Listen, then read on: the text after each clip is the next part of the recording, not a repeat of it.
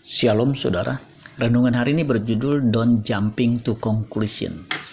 2 Tesalonika 2 ayat 1 dan sampai 3. Tentang kedatangan Tuhan kita Yesus Kristus dan terhimpunnya kita dengan Dia, kami minta kepadamu saudara-saudara supaya kamu jangan lekas bingung dan gelisah baik oleh ilham roh maupun oleh pemberitaan atau surat yang dikatakan dari kami seolah-olah hari Tuhan telah tiba Janganlah kamu memberi dirimu disesatkan orang dengan cara yang bagaimanapun juga.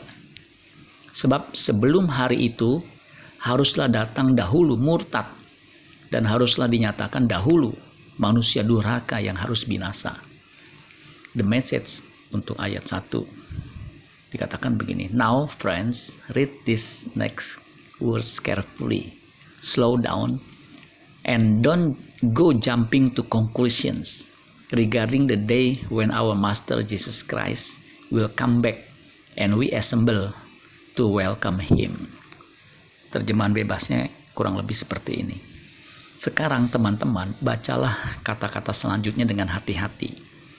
Perlambat dan jangan langsung mengambil kesimpulan tentang hari ketika Tuhan kita Yesus Kristus akan kembali dan kita berkumpul untuk menyambut Dia.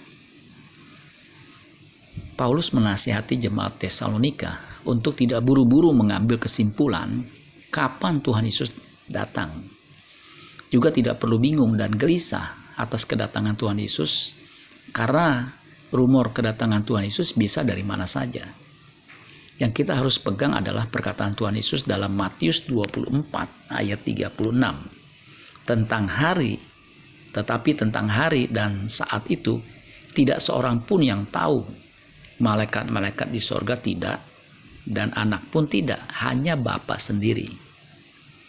Dulu jauh sebelum tahun 2012, 2012 ada film tentang kiamat yang memporak-porandakan dunia. Film ini didasarkan pada ramalan bahwa kiamat akan tiba tahun 2012. Maka judul filmnya 2012. Sekarang kita sudah masuk di tahun 2020 apa yang dinubuatkan tanda kutip atau diramalkan tentang kiamat tidak terjadi. Yang harus kita persiapkan adalah berjaga-jaga untuk tetap hidup berkenan kepadanya sehingga kapan pun saat itu tiba kita sudah tiap, sudah siap. Atau jika masa itu belum tiba dan kiamat tanda kutip atas kita secara pribadi atau kematian mendatangi kita, kita pun dijumpai berkenan kepada Bapa di sorga. Amin buat firman Tuhan. Tuhan Yesus memberkati. Sola Gracia.